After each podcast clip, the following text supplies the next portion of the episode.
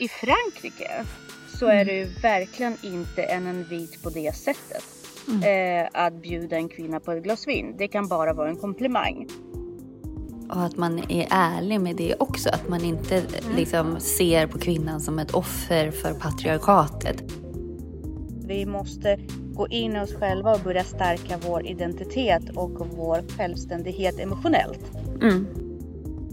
Allting har ju att göra med det här sexuella spelet hela tiden. Precis. En stereotyp för mig är inte en karikatyr. Nej. Det är en väldigt stark markör, en väldigt stark no- normativ markör för ett samhälle.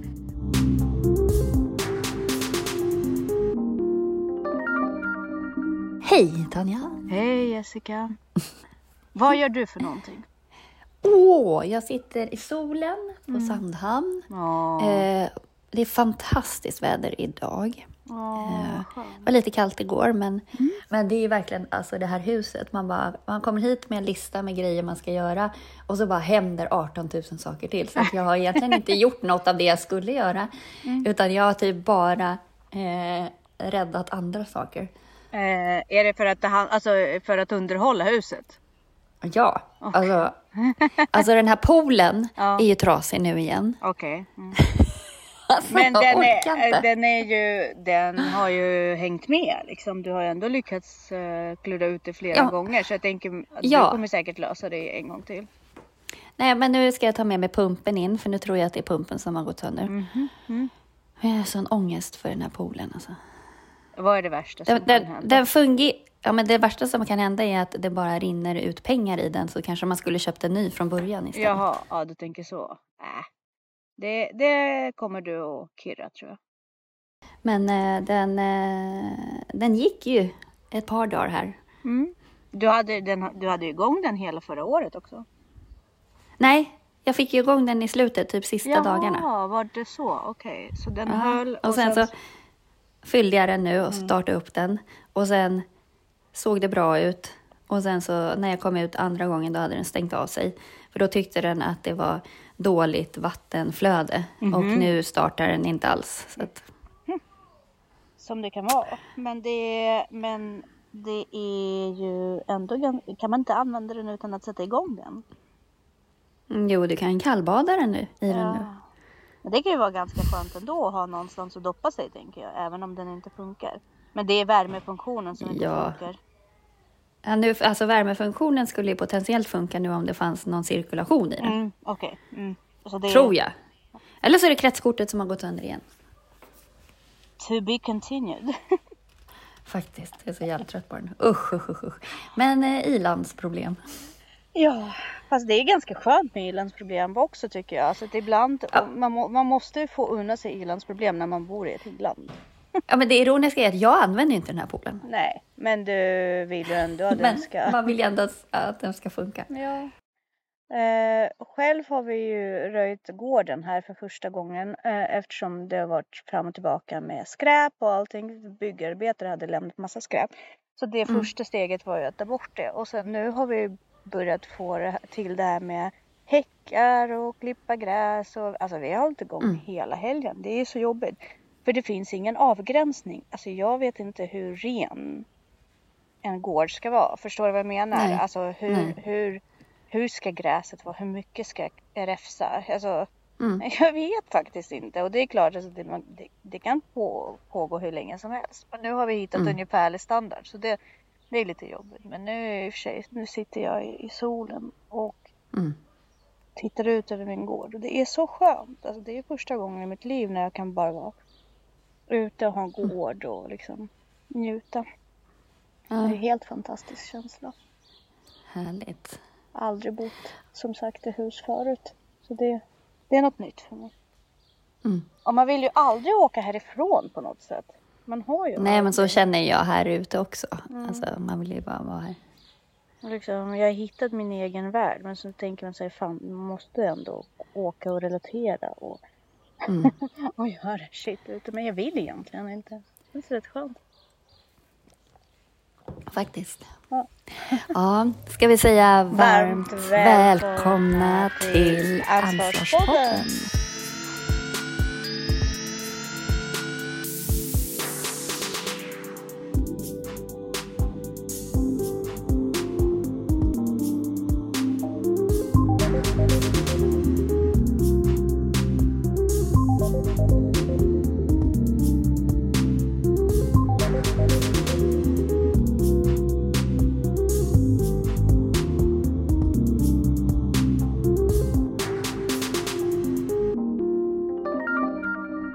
Men du, hur blev det med din tjänst? Du fortsätter som lärare eller du skulle plugga? Jag eller hur? fortsätter som lärare och jag eh, har ansökt om utbildning men det får man ju veta först efter midsommar där. Ja. Om man kommit in eller inte. Så jag kommer nog göra både och. Mm. Eh, och nu har jag ju fått som sagt en fortsatt tjänst som mentor.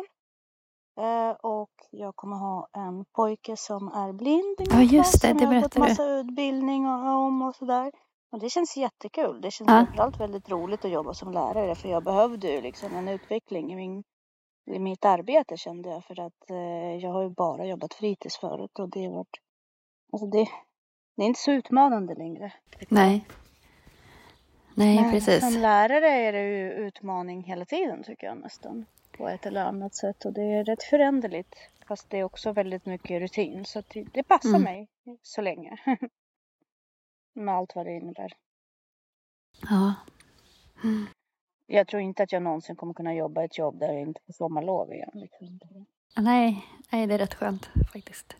Ja, det är om man har något jobb där man liksom styr sin arbetstid lite själv eller så.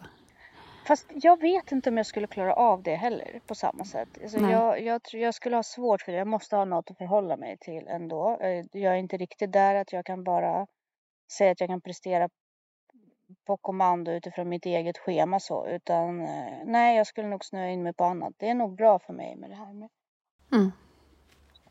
att jag har fasta, fasta deadlines och fasta tider.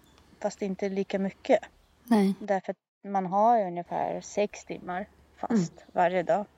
Eh, och det tycker jag är ganska skönt. Och sen får man göra lite grann ut efter vad man behöver och eh, det funkar. Mm. Det är väl lönen. Ja, precis. Men eh, det är rätt skönt att vara ledig så mycket som man är som lärare.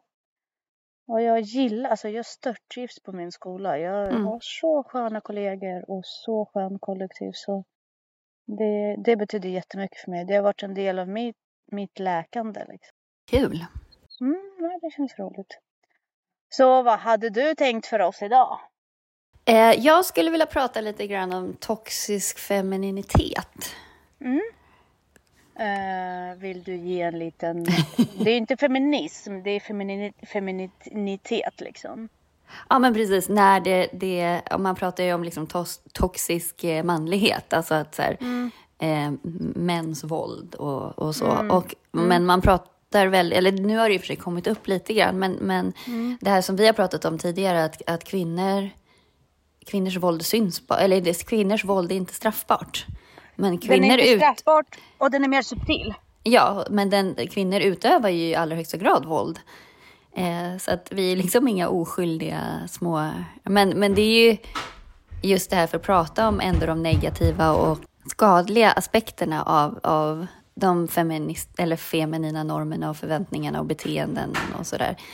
Eh, och att man är ärlig med det också. Att man inte liksom ser på kvinnan som ett offer för patriarkatet.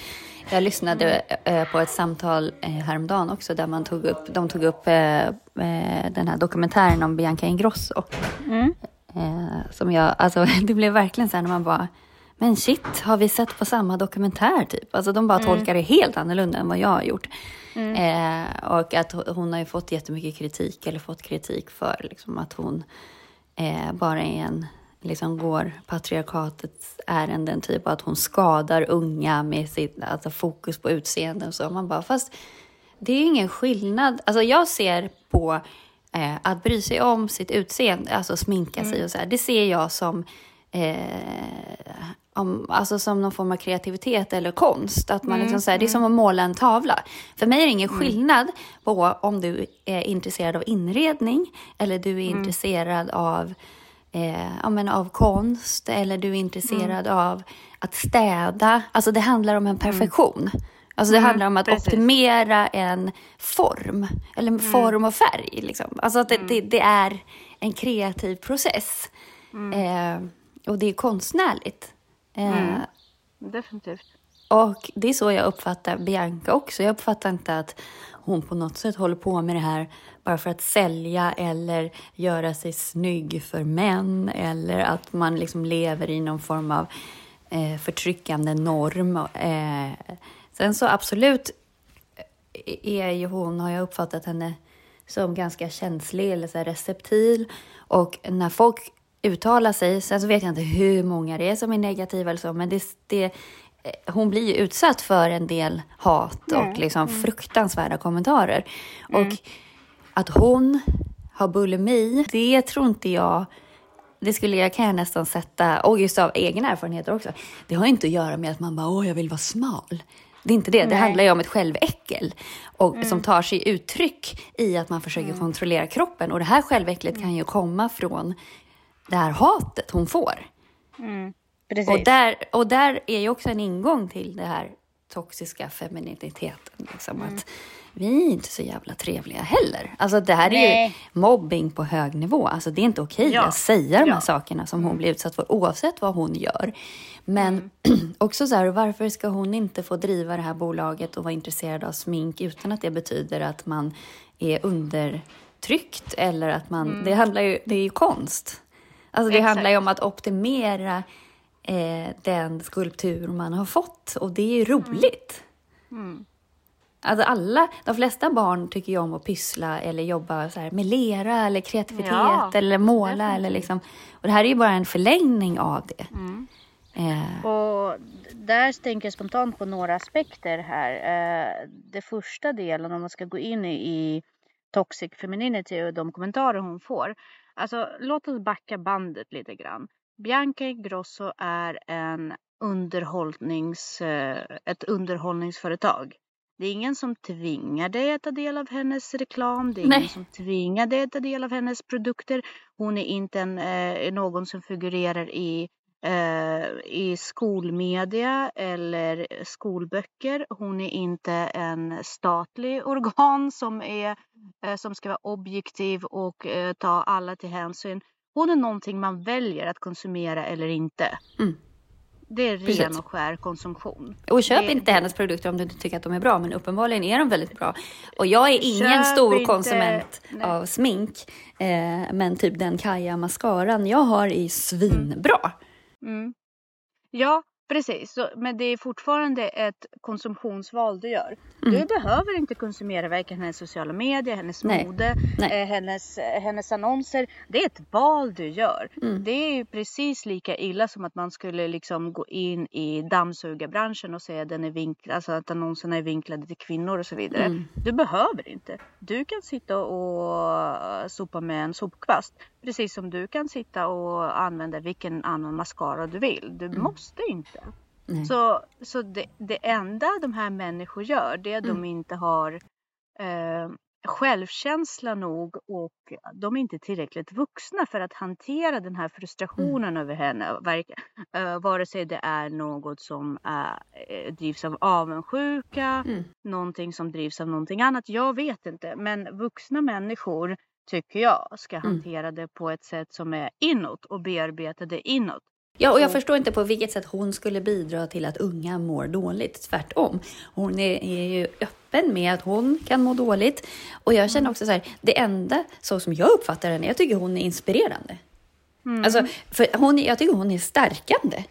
Mm. alltså ja, på något alltså sätt. Det... hela, och hon är så här, har så mycket energi och är liksom mm. en härlig person som man känner så här, ja, åh, gud vad men, härligt att vara Men en att sån. man kanske tycker att det är en fasad och egentligen kräks hon efter varje måltid. Och ja, fast man kan vara både och. Det, det, vet ja, ju exakt. både du och jag att man exakt. är liksom. Ja, och det är där jag tänker att det där är ju bara en skev, eh, en skev uppfattning av en annan person. Mm. För det är samma sak, alltså, om jag går till jobbet och är skitpiffig och mm. presterar till 150 och sen går hem och slocknar för att jag är så himla trött. Jag är rätt öppen med det.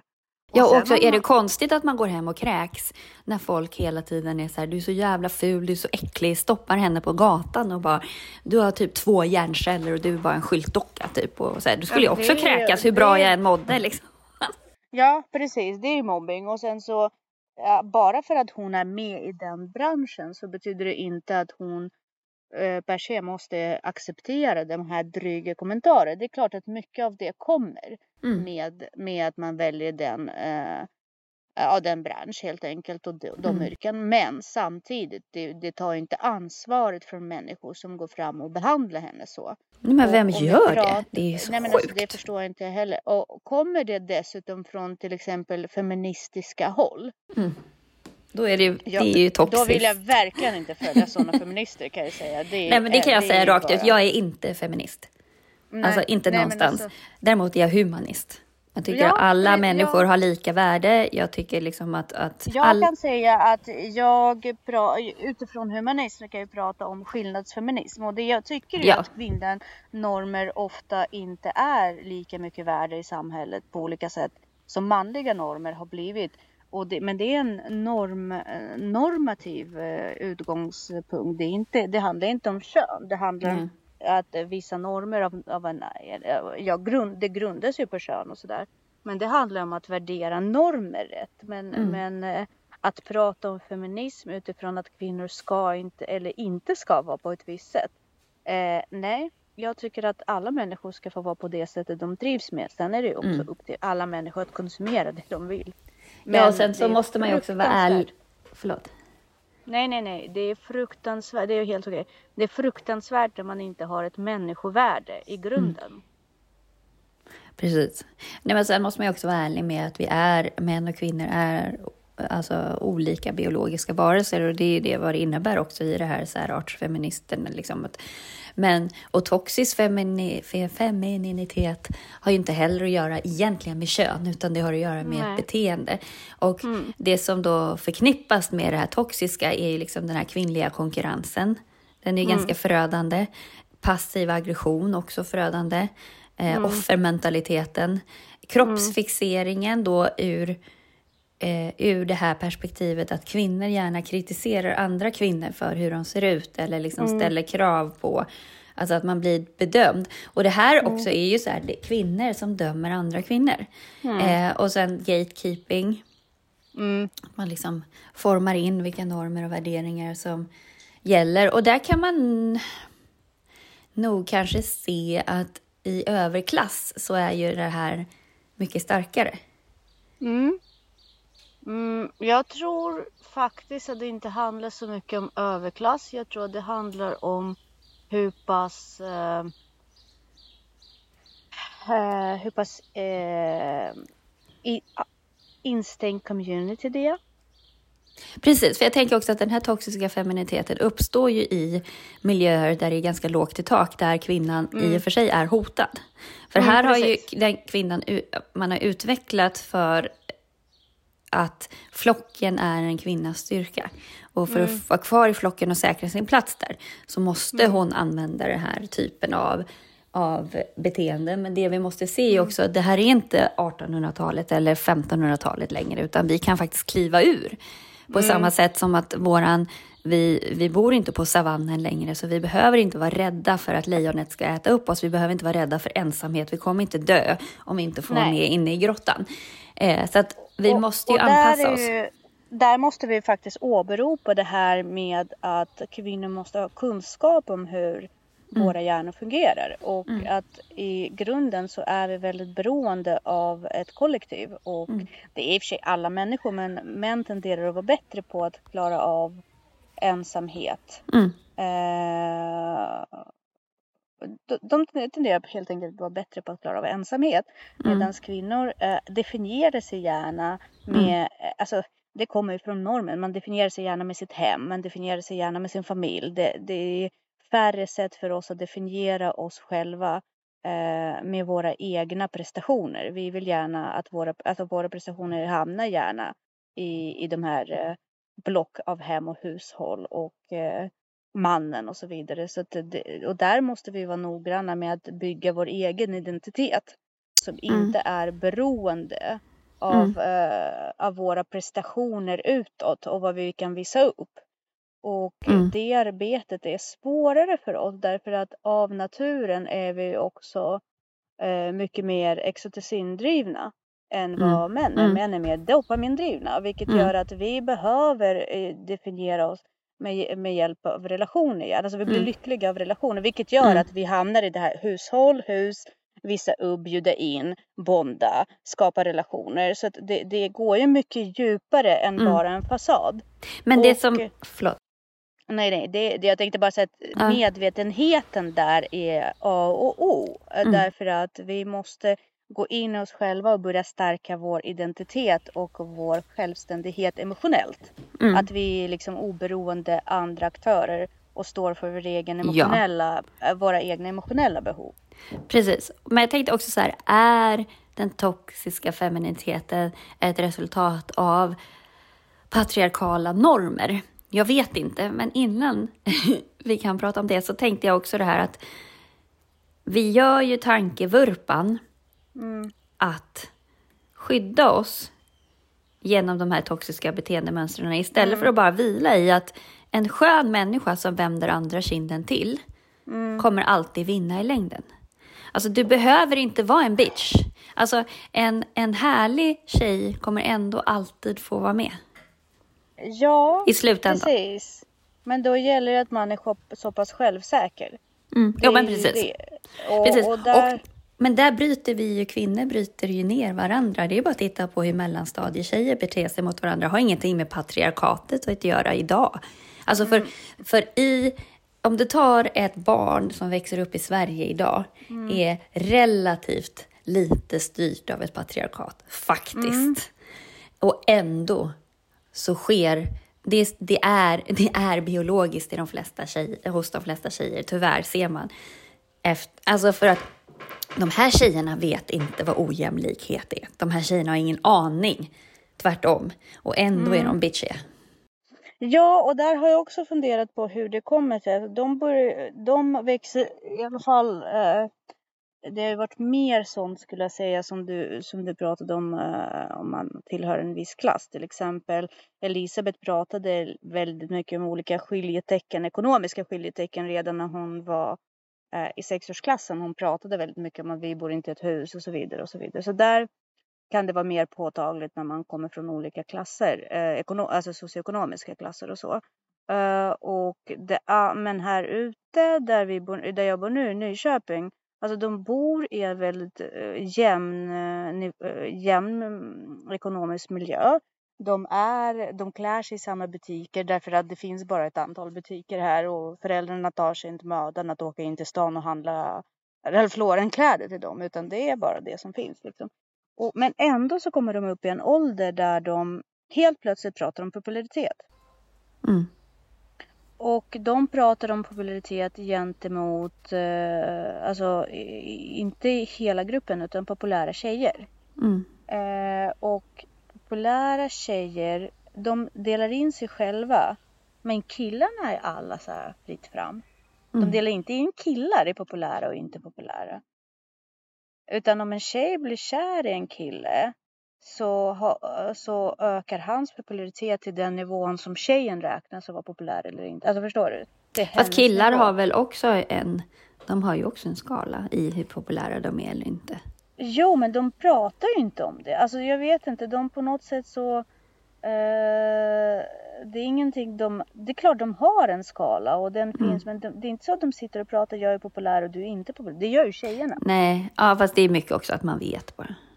Ja, alltså det är jätteintressant. Men plö- plötsligt så går de in i det här populära. Och så bara, när hände det här tänker man som lärare. Mm. De var ju hur homogena som helst liksom förra året. Men Mm. helt plötsligt kickar det in. De här är populära, de här är inte. Tjejerna blir sexue- eh, sexuella mycket snabbare tycker jag. Alltså Mm, de, mm.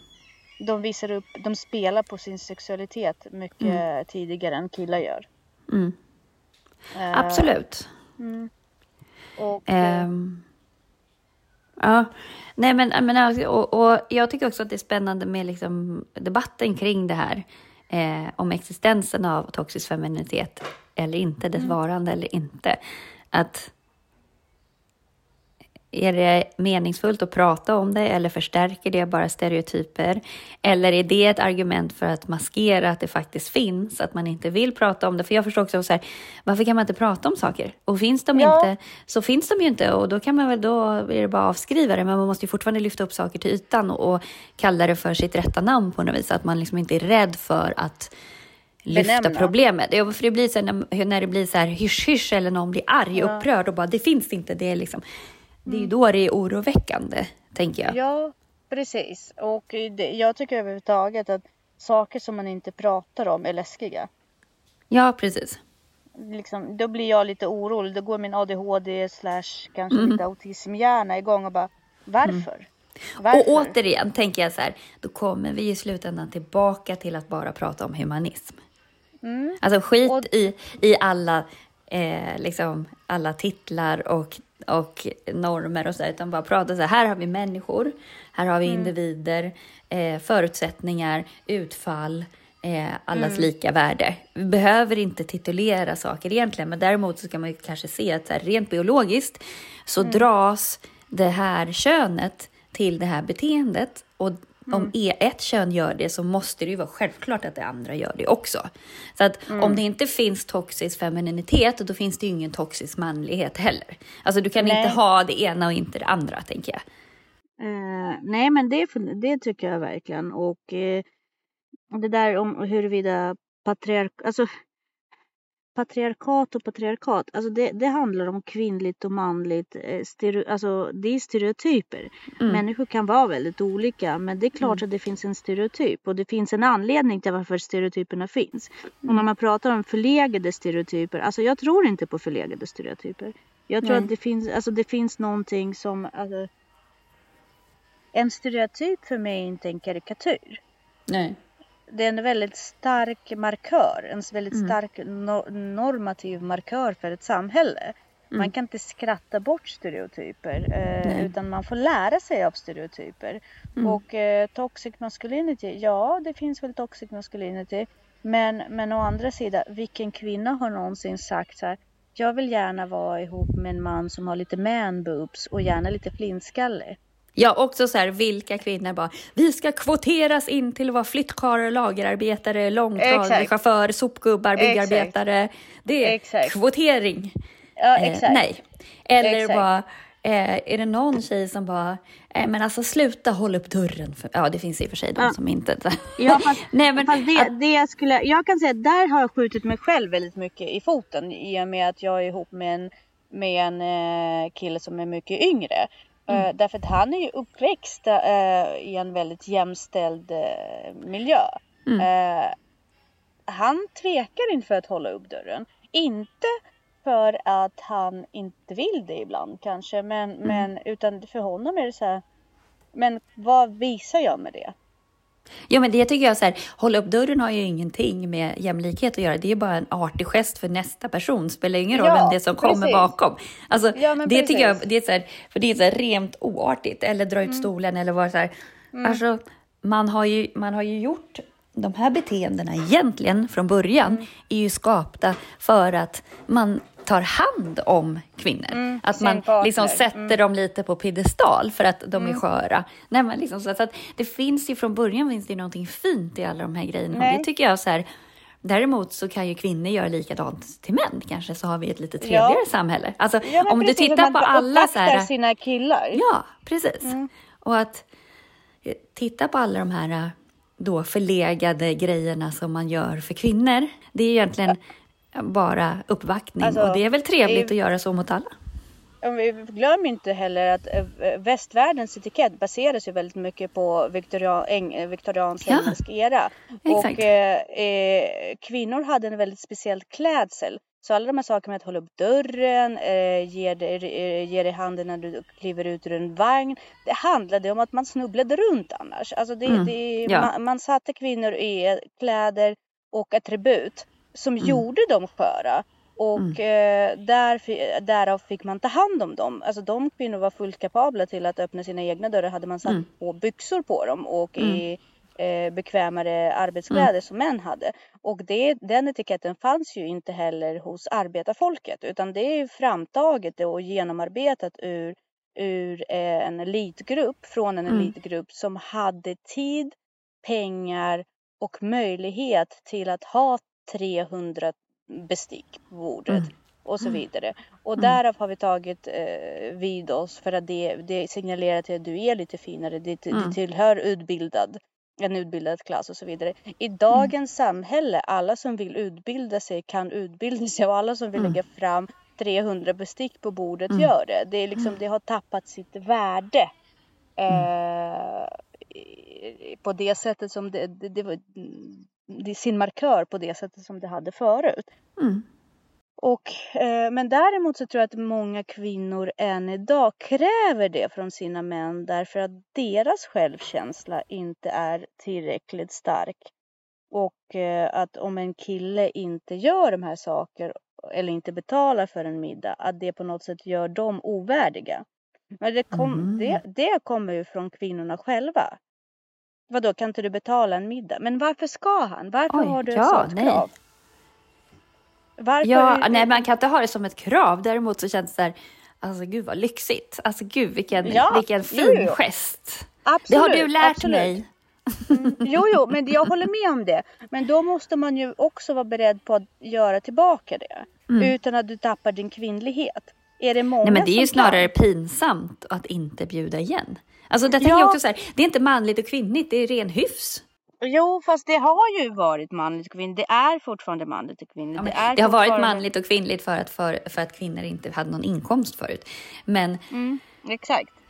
nu, ja man får se alla de här sakerna istället som så här, bara vett Men och jag tror också att liksom, en, del, en, en del män skulle bli förolämpade om man skickar en drink till dem i baren. Va? Det tror jag inte. Det tror jag. Alltså jag har väldigt svårt att se att en man skulle bara åh tack. Eller... Jag tror min man skulle bli asglad. Alltså de, alla killar jag känner skulle bli asglada. För däremot skulle de ju ta det som en invit.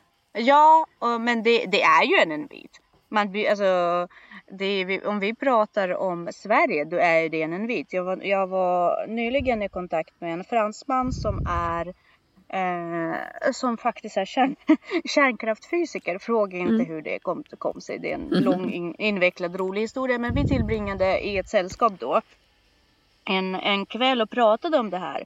Alltså i Frankrike så är Mm. det ju verkligen inte en invit på det sättet. Mm. Eh, att bjuda en kvinna på ett glas vin. Det kan bara vara en komplimang. Det, Mm. det, det är klart att man har sina förhoppningar så och man kanske bjuder den kvinna som man tycker är attraktiv. Men det är verkligen ingenting som man förväntar sig. I Sverige däremot har han sagt att om jag bjuder en kvinna på en drink, då går hon fram till mig och så säger hon nej men jag, jag har pojkvän. Mm. Det skulle en kvinna aldrig göra i Frankrike Nej. enligt honom. Mm. Och det är för att vi vill inte vara skyldiga. Vi är ju rädda att vi är skyldiga om vi tar emot. Ja, och sen så kan det faktiskt också bli lite jobbigt. För där, där kan...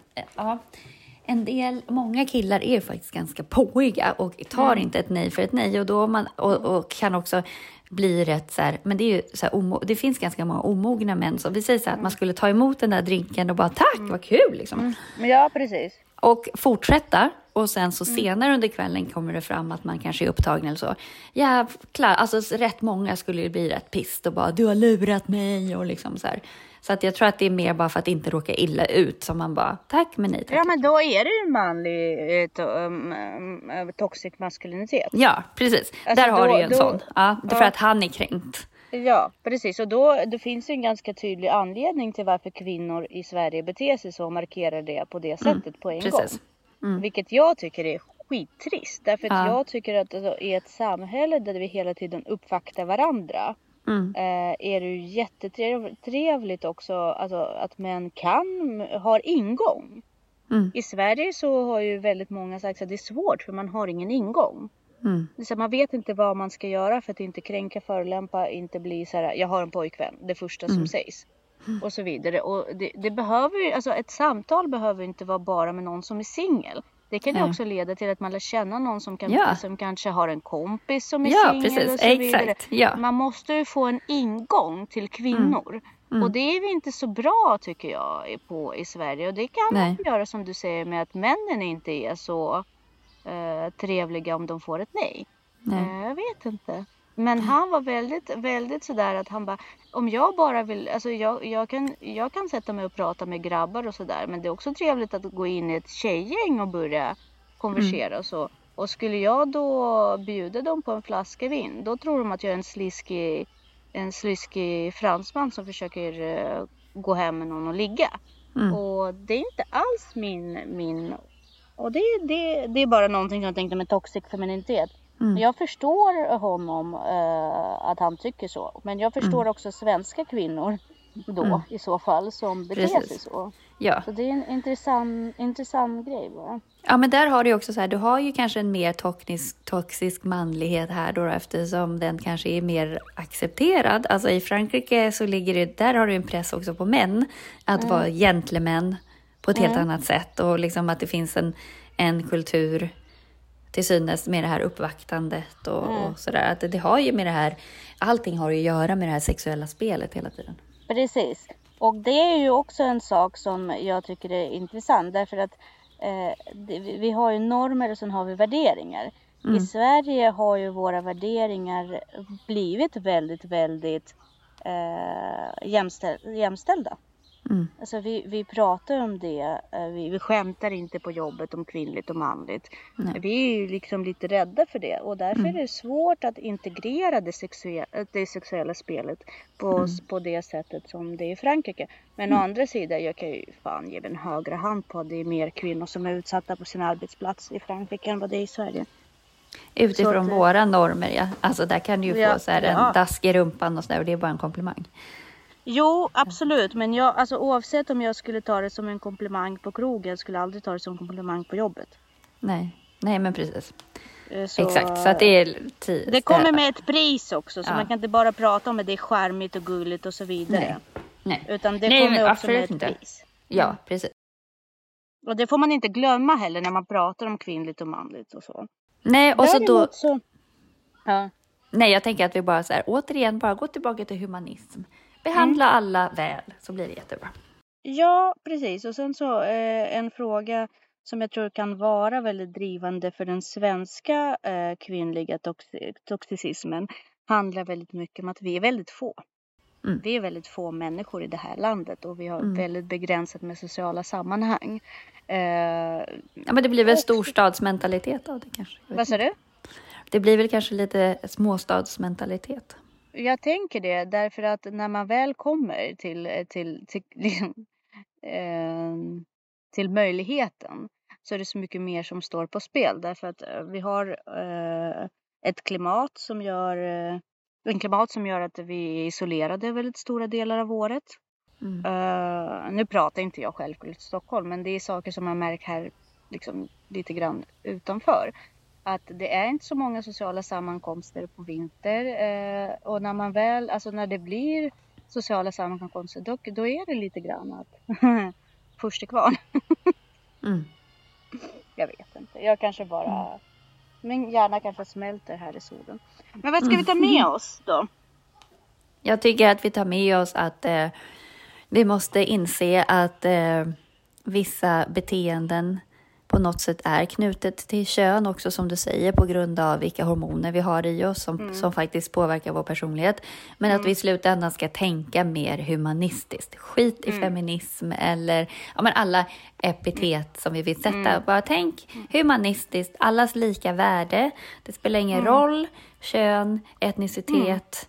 Eh, och även liksom vara schysst och eh, trevlig och artig mot alla varelser.